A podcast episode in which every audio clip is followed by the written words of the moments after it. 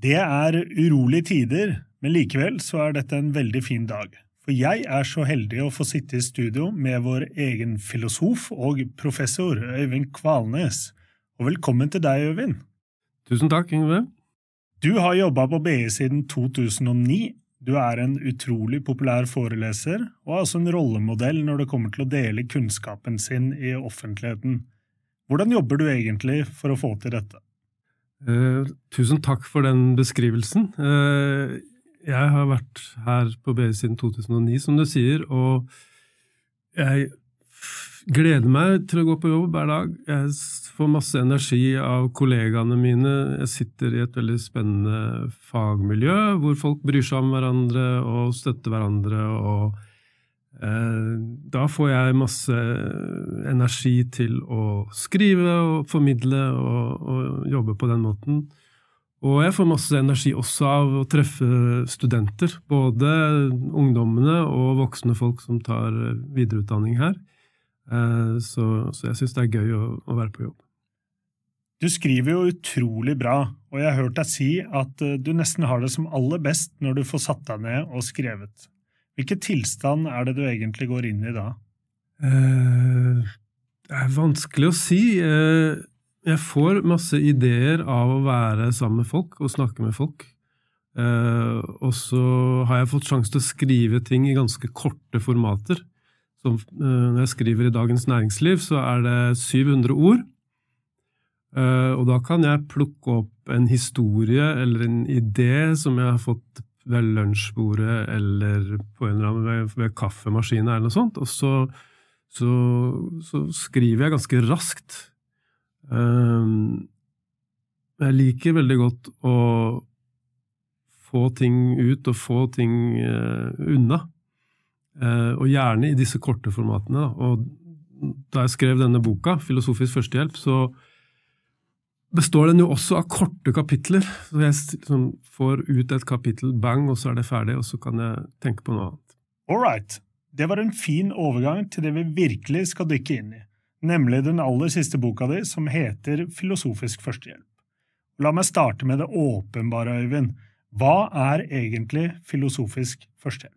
Filosofisk førstehjelp er det å ta tak i situasjoner som folk står i, eh, og bruke en spørrende filosofisk eh, inngang til det. Eh, og jeg trekker et skille mellom situasjonshjelp og prosesshjelp. Altså filosofisk situasjonshjelp, da er det noe som står fast i en bestemt situasjon og lurer på hva skal jeg finne på nå, hva skal jeg gjøre nå, jeg står i et dilemma. Eh, mens andre kan ha behov for filosofisk førstehjelp litt mer på lang sikt. Hvordan er det vi jobber sammen her? Vi snakker ikke så godt sammen som vi burde. Så hvordan kan vi komme inn på et bedre spor? Um, og jeg prøver å ta med meg en sånn innstilling som Sokrates hadde for godt over 2000 år siden, da, at uh, svarene ligger hos den andre. Det er ikke jeg som skal forsyne folk med svar, men jeg kan hjelpe gjennom å stille spørsmål og lytte til hva de har å si, og eh, ja, åpne opp for en samtale. Det er filosofisk førstehjelp. Så det er lange røtter, og han sa vel noe sånn som at det eneste jeg vet, er at jeg ikke vet noen ting? Det stemmer. Det var Sokrates sin innstilling. Han, han fikk høre at oraklet i Delfi hadde pekt han ut som den klokeste mannen i Aten. Og det kunne han ikke forstå, fordi han så seg omkring, og der så han jo masse kloke, forstandige mennesker. Men så så han at mange av dem var veldig skråsikre. Og er det noe Sokrates ikke var, så var det skråsikker. Han var tvilende, undrende, og han tenkte at det oraklet mener, er nok det at jeg er, er klok gjennom at jeg er klar over begrensningene mine. Ja, det er vel noe med det at skråsikre og arrogante folk, de tar aldri feil. Men da har vi dratt de historiske linjene, og hvorfor trenger vi egentlig filosofisk førstehjelp i vår tid? Um, det er mange grunner til det, men uh, som du sa helt innledningsvis, så er jo både menneskeheten, kloden, uh, i, i krise, og vi trenger å finne roen og, og snakke sammen og finne ut av ting sammen. Og da tror jeg vi trenger å komme vekk fra den skråsikkerheten som vi ser mye av rundt oss. Den tror jeg lukker for å komme videre og finne ut av ting sammen. Mm. Og boka den handler jo på mange måter om å snakke med folk som er ulike deg selv. Ja. Og jeg har en teori om at uh, sosiale medier har gjort at vi er blitt vi, vi, har liksom havnet i flokker med folk som er likesinnede. Og vi er mer uvant med å treffe på folk som mener noe annet enn oss selv. da. Mm. Og det, det, tror jeg vi trenger å få mer trening i. Og bli bedre på å møte andre med et uh, åpent sinn, og lytte til hva andre har å si, og ikke gjøre, være forutinntatte, på, på, på sett og vis. da. Veldig spennende tema, det skal vi komme mer tilbake til senere i samtalen. Boka den starter med at du skriver om en samtale du har med den lokale grønnsakshandleren. Hva handler egentlig denne samtalen om? Jo, den starter med at jeg skal betale for varene jeg har kjøpt i, grønnsaksbutikken, og så sier innehaveren, som jeg pleier å prate en god del med når jeg handler, han sier i dag har du vel glemt noe, Øyvind, sier han. Og hva, hva, da? sier jeg. Jo, du har glemt å ta med deg en flaske med Tøyen-cola, som jeg å, pleide å kjøpe da. Og så sa jeg at jo, nei, jeg har, har blitt mer skeptisk til Tøyen-cola fordi jeg har lest at uh, innehaveren, han som driver Tøyen-cola, eier Tøyen-cola, han har satt noen sånne kryptiske meldinger på etiketten hvor det står om konspirasjonsteorier og så. Og, og, han har hatt mye rart for seg. Og, så jeg, har begynt å boikotte Tøyen-cola. Og så sier han eh, butikkeieren at eh, ja, men du kan jo ikke ha moralpass på alt det vi har her. Se på alt det vi har i butikken her. Du vet jo ingenting om de, som, de andre som har stått bak disse varene. Eh, og dessuten så tror jeg det er mye rett i disse konspirasjonsteoriene, sier han. Og da skvetter jeg til. Jeg blir veldig skeptisk når jeg møter folk som, eh, som f.eks. hevder at covid er en bløff, og at uh, vaksinen inneholder transmittere som skal gjøre at myndighetene kan overvåke oss og sånne ting. og da tenkte jeg at her har jeg noen valg jeg må ta. Hva slags forhold skal jeg ha til en person som jeg nå skjønner har helt andre oppfatninger enn meg selv? Så da begynte jeg å tenke på sånne ulike strategier da, for å takle uenighet. Og hva ender det med? Er dere enige om å være uenige? Ja, jeg tenkte etter den samtalen da, at jeg kan velge mellom fem strategier. Jeg kan velge å misjonere, det vil si jeg kan prøve å overtale han til å se at uh, disse konspirasjonsteoriene er falske. Eller så kan vi begynne å konversere, det vil si vi kan dra samtalen inn på noe helt andre ting. Vi kan snakke om fotball eller været eller noe helt uskyldig. Eh, eller så kan vi kverulere, vi kan krangle. Eller så kan jeg kansulere han og si at jeg vil ikke ha noe med en sånn person å gjøre. Eh, men den femte løsningen er jo å filosofere, da. Og da, det vil si å prøve å finne ut sammen hva er det som er sant og riktig, egentlig. Uh, Akkurat med han så ville jeg ikke gå på den siste strategien, fordi da betyr det at jeg, jeg åpner opp for at kanskje er det noe i det han sier med, med konspiteorier, og det tror jeg ikke det er. Uh, så vi endte opp med å konversere. Vi var klar over begge to at vi sto langt fra hverandre akkurat på dette området, men vi kunne snakke om helt uskyldige ting. Og det var helt greit, i og for seg. Mm. Går du fortsatt og handler grønnsakene dine på samme sted? Jeg gjør det. Så vi, eh, vi har funnet tonen der, da. Men, eh, så vi styrer unna det ubehagelige. Og noen ganger så, så er jo det litt feigt, på en måte. Noen ganger så tror jeg man skal konfrontere og prøve å eh, ta en samtale og argumentere. Eh, men eh, jeg har ikke sett noe behov for å omvende grønnsakshandleren, på en måte. Mm. En av de mange tingene jeg likte å lese om i boka di, og du er jo veldig flink til å bruke eksempler, det er at du skriver om eh, at moren din var sosialarbeider, og at dette formet deg. Hva var det egentlig hun jobba med? Hun jobba for det meste innenfor barnevern, og i veldig tunge barnevernssaker som hun eh, jobba med på Oslo øst. Uh, og hun uh, er en modig og temperamentsfull dame, så hun har vært i mange små og store kriger, egentlig. Uh, så det syns jeg var inspirerende. Også det å gjøre, utgjøre en forskjell for andre mennesker, da, som var, som det, som var drivkraften, som er drivkraften hennes. Eh, så jeg, Da jeg var en liten gutt, så husker jeg at jeg drømte om å ta dette liksom inn i det helt store globale. Jeg skulle bli fredsmegler. Jeg skulle liksom reise rundt og skape fred og ro der hvor folk eh, var stridende parter. da. Du har noen fantastiske beskrivelser av hvordan du så for deg selv gå av et fly, og det sto blitslamper. Ja. Ja, Det husker jeg godt, disse, disse dagdrømmene om å liksom skride ut av flyet med dokumentmappa under armen og blitsregn. og folk, Endelig, nå kommer han, nå skal vi få ting på, på bedre spor. da.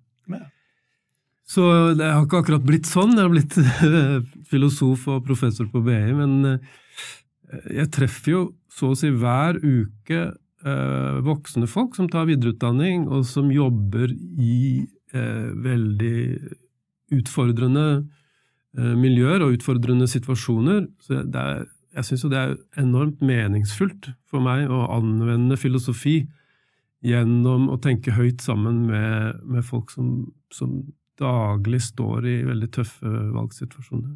Mm. Det er fint å høre om deg som eh, liten gutt med drømmer og ambisjoner, og det er ikke sikkert at det du holder på med i dag er så langt unna likevel, og ikke minst mora di.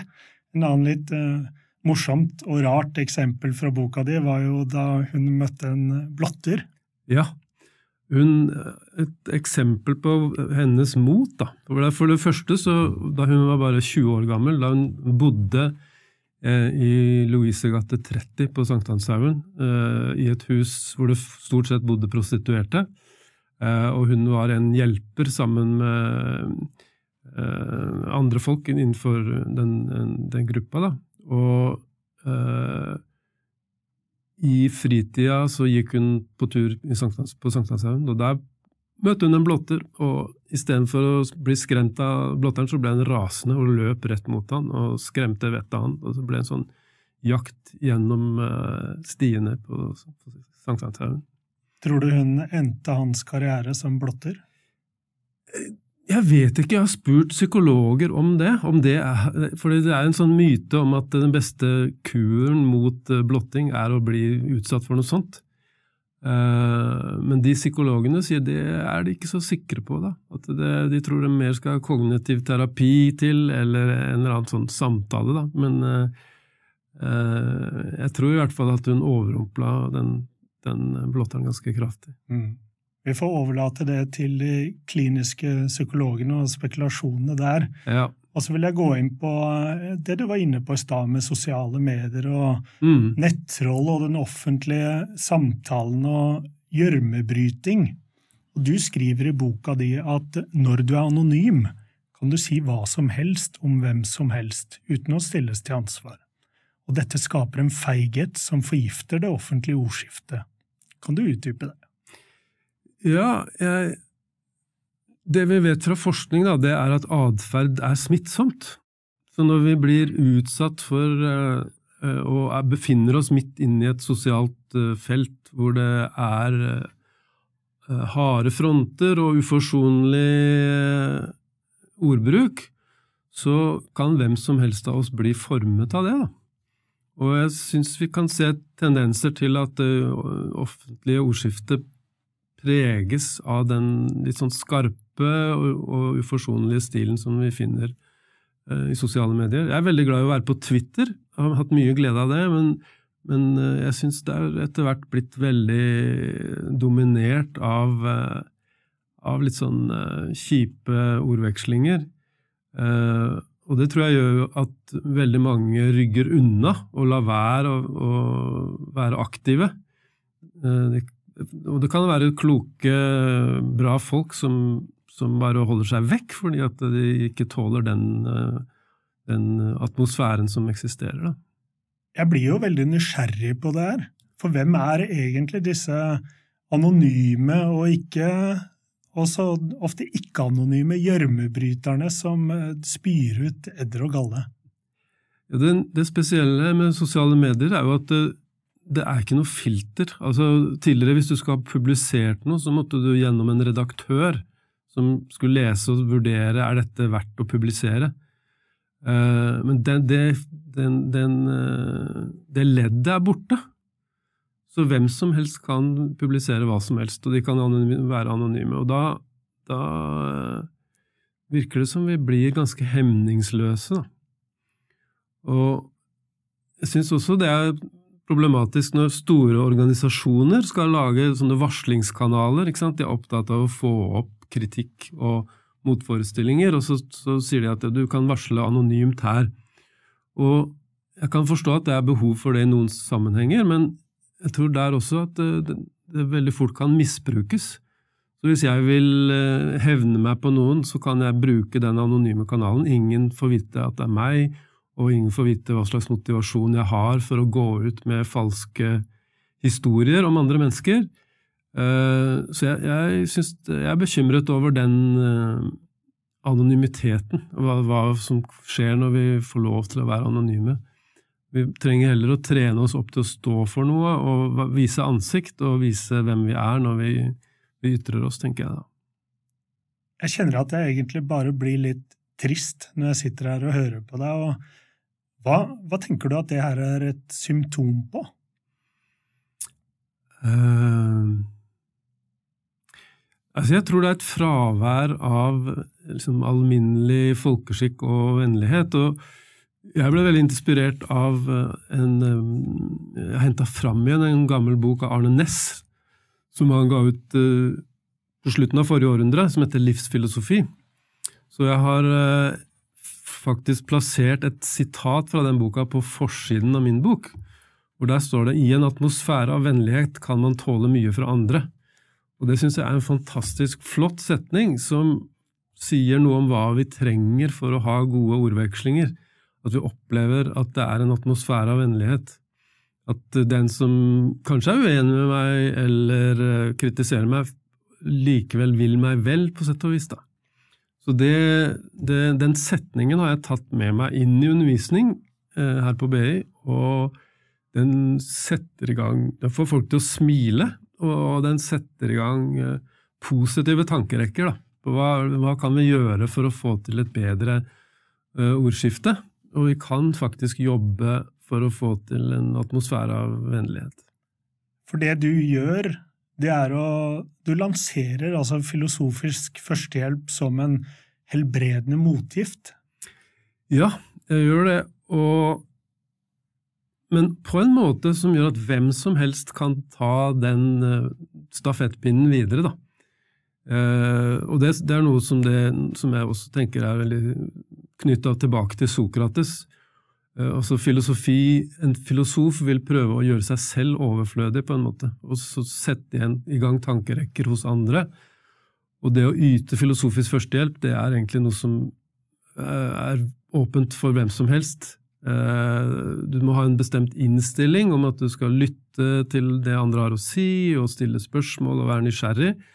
Men det, den tenkemåten kan egentlig alle ta til seg, på en måte, da. Sånn at vi, vi kan være mange. Vi kan være en stor eh, flokk som, eh, som yter filosofisk førstehjelp. Ja, for du sier jo det at filosofi er for viktig til å overlates til filosofene. Ja, og det har jeg fått kjeft for å si fra andre filosofer. Eh, jeg var med i en debatt for et par år siden hvor jeg sa at etikk ikke må overlates til etikere. Jeg syns det er helt greit å overlate jussen til jurister, eh, men etikk eh, og filosofi er det annerledes med. Det er, det er, faktisk noe som alle kan bedrive. Og så er det noen filosofer som har tenkt at det er ikke så strategisk å si det. Må, vi må posisjonere oss i samfunnet og si at vi har noe unikt. Som, eh, akkurat som juristene økonomene og revisorene har noe unikt som bare de kan gjøre, så må vi lage oss et, en, eh, en plattform på en måte som er filosofisk, og som det bare vi kan stå for. Og den, den tankegangen har jeg ingen sans for i det hele tatt. Jeg tror at uh, filosofi er ikke en profesjon på den måten. Det er en aktivitet som uh, hvem som helst kan holde på med. Mm. Og det er vel noe filosofene kan filosofere over i 100 år til, helt sikkert. Og i tillegg til å sitere Arne Næss, så har du også i boka sitert, og nå ble jeg litt varm om hjertet, kjenner poeten Helge Torvund med at det gjelder å erstatte skjellsord med sjelsord, nemlig ord som berører, styrker og løfter andre. Hvorfor valgte du akkurat dette sitatet? Eh, Helge Torvund er en person jeg har hatt eh, kontakt med på Twitter i mer enn ti år. Og eh, jeg har møtt han én gang, men på, vi drakk en kopp te, tror jeg det var, på Hotell Bristol. Men det er noe av det som jeg syns er flott med sosiale medier også. At du får kontakt med mennesker i helt andre deler av landet eller helt andre deler av verden, og kan ha en relasjon, da. Eh, selv om eh, vi ikke møtes ansikt til ansikt. Eh, og Helge Torvund har veldig mye spennende å si om relasjonen mellom mennesker. Dyp menneskekunnskap som jeg syns er inspirerende å komme i kontakt med. Og så deler jeg hans håp, og også hans tanke om at dette har vi innen rekkevidde. Vi, vi, dette er en del av det vi har mulighet til å få til. Men, men, det krever en, en, konsentrasjon, og det krever at vi tar oss sammen, på sett og vis. Da. At vi prøver å orientere oss mer i retning av det Arne Næss sier, og det Helge Torvund sier, eh, så har vi jo dette som en del av det menneskelige repertoaret vårt, tenker jeg. Det der er vakkert sagt, at vi har det innen rekkevidde. Og... Men hva er dine beste råd for å skulle ha en saklig samtale? Um, jeg tror for det første så må man være, ha en saklighet og holde seg til saken. Eh, eh, jeg syns mange ordskifter preges av usaklighet. Da. At du tillegger motparten oppfatninger og meninger som de egentlig ikke har. Eh, så vi skal passe oss for å ikke argumentere mot det som kalles stråmenn. Ikke sant? Det er egentlig ingen som mener det der, men det er enkelt og greit å, å, å tillegge motparten det synet, da. Så saklighet, vennlighet uh, I boka så skriver jeg en god del om aktiv lytting, som jeg syns er utrolig spennende. Uh, vi har en kollega som heter Ide Katrine Birkeland, som har forsket på aktiv lytting. Og noe av det jeg har lært av henne, er at uh, folk er ikke så gode aktive lyttere som de tror. Så hun har startet med å spørre folk hvor god er du til på aktiv lytting, og så har de ganske høye tanker om seg selv, og så er de med på noen eh, aktiviteter hvor det viser seg at det er krevende da, å, å, være aktiv lytter. Fordi mange av oss blir sittende og tenke hva skal jeg si når det blir min tur til å snakke? Og da mister vi konsentrasjonen rundt, uh, rundt det den andre sier. Uh, men det er også sånn som det går an å bli bedre på, og som vi kan uh, utvikle altså evnen til å faktisk lytte til den andre. Og det innebærer jo også at du skal ikke servere løsninger, men du skal være til stede og ta inn over deg og være nysgjerrig på det, det den andre har å si. Da. da vinkler du vel litt inn på hva din gamle kollega som levde for uh, veldig lenge siden, Søren Kirkegård sa om å møte andre der de er. Absolutt møte andre der hvor de befinner seg. Også hvis du skal hjelpe noen andre, så må du møte dem der hvor de, der hvor de er. Uh, og det er også noe jeg har fundert på tidligere også. Hva er det som driver en god hjelper, da? Uh, For det kan være noe selvopptatt ved hjelpen også, at det er min måte å skinne på, på en måte. Jeg blir hovedpersonen, mens eh, hvis vi skal gi effektiv hjelp, så tror jeg at det, trengs en, en, innstilling om at det er den andre som er, eh, er avgjørende, og hovedpersonen. Mm. Du skriver jo om dilemmaer, og du reiser en konkret problemstilling som jeg ble gående og tenke på. Og dette dreier seg altså om et menneske som er på pleiehjem med demens, og hun har en svigerdatter som er død, men dette glemmer hun. Når de pårørende kommer på besøk, så spør den gamle, demente dama om hvordan det går med svigerdatteren, og da står de pårørende overfor et stort dilemma. Absolutt, og dette er en eh, reell situasjon. Eh, noen venner av meg kom og fortalte om dette her, og de sa at eh, legen til mor ba dem innstendig om å ikke fortelle at svigerdatter var død, fordi da blir hun så urolig, og da får hun det dårlig. Og hvis dere skal legge dere på den ærlighetslinja, så må dere kanskje gjenta dette gang på gang på gang, ikke sant? Fordi hun glemmer det til neste gang, og så spør hun igjen. Men de har valgt å være ærlige og sier at uh, nei, hun lever ikke lenger. Så de har satt Og de prøver jo å, berolige henne og, osv., men, men de syntes det var feil å lyve og finne på hvite løgner, sånn som egentlig legen sa de burde gjøre. da. Så de lar henne gjenoppleve sorgen gang på gang? Ja, og jeg tror det er en slags utvikling i det. At det ikke er det på samme måte hver gang. At det begynner å synke inn på et eller annet nivå.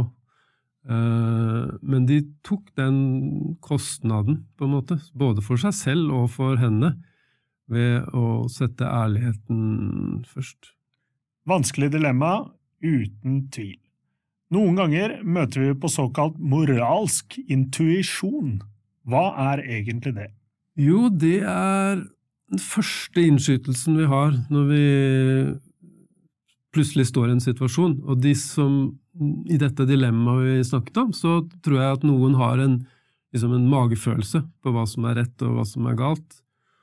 Uh, og noe av det som jeg har fundert på, er jo at uh, noen ganger så har vi en moralsk intuisjon, en magefølelse, i et kort øyeblikk, basert på litt grann informasjon om situasjonen, og så seinere på dagen så får vi vite mer. Og da har vi sjanse til å skifte oppfatning og si at nei, jeg tok nok feil i dag tidlig. Men det vi har en tendens til å gjøre, er å lete etter bekreftelser på at vi hadde rett i, i morges. Så vi er liksom lojale mot den vi var i dag tidlig. Selv om vi nå liksom har tid til å tenke ordentlig gjennom ting, og vi har mer eh, kunnskap, så det er forbløffende vanskelig, ser det ut til, å ombestemme seg, eller innrømme at jeg tok nok feil i dag tidlig.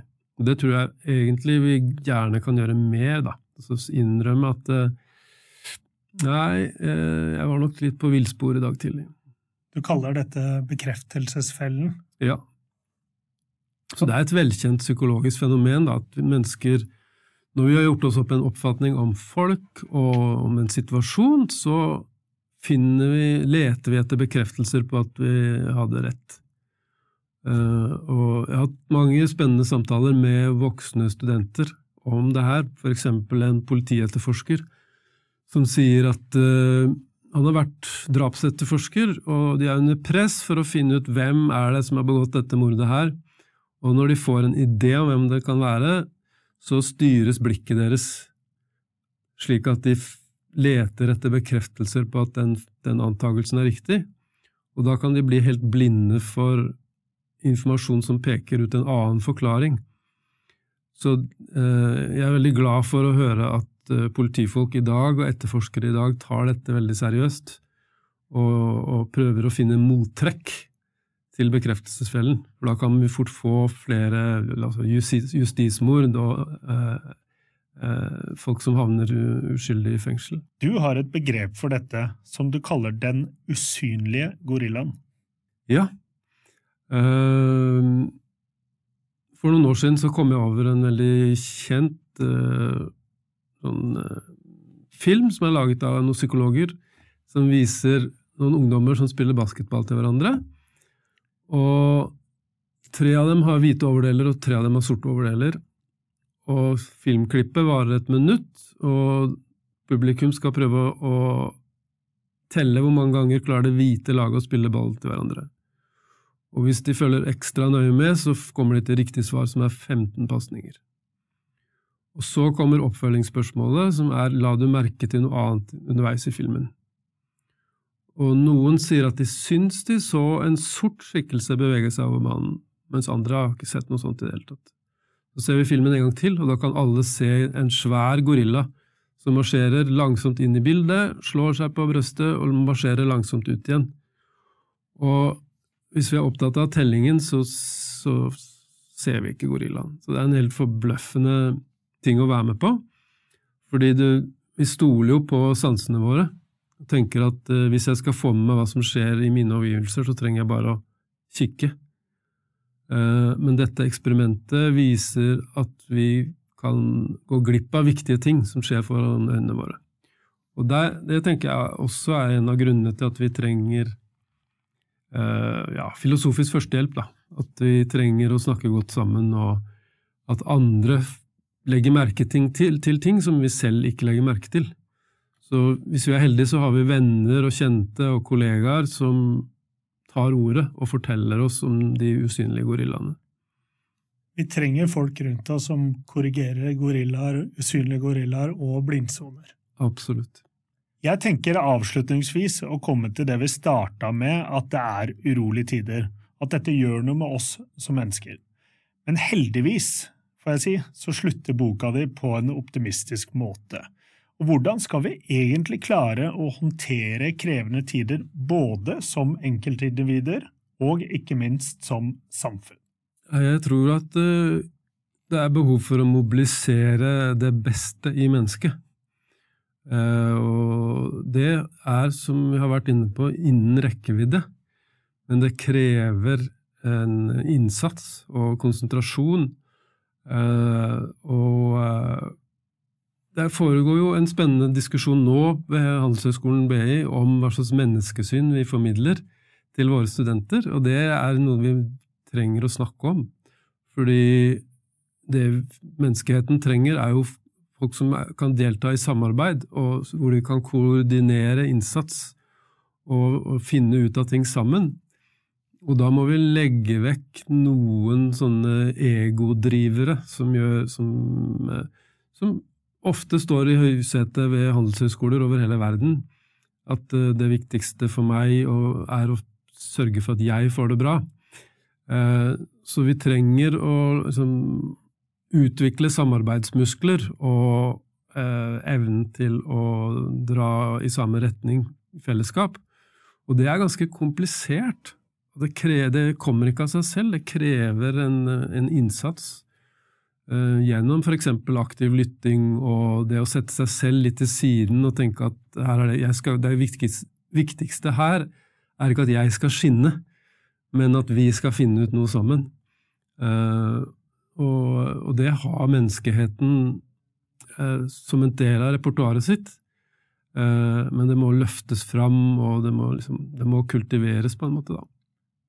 Så du har tro? Jeg har tro, absolutt. Det tenker jeg er en veldig fin måte å avslutte denne samtalen på. Så jeg vil takke deg, Øyvind, for at du kom hit i dag, og jeg er helt sikker på at filosofisk førstehjelp det er viktigere enn noensinne. Så tusen takk. Takk skal du ha, Yngve.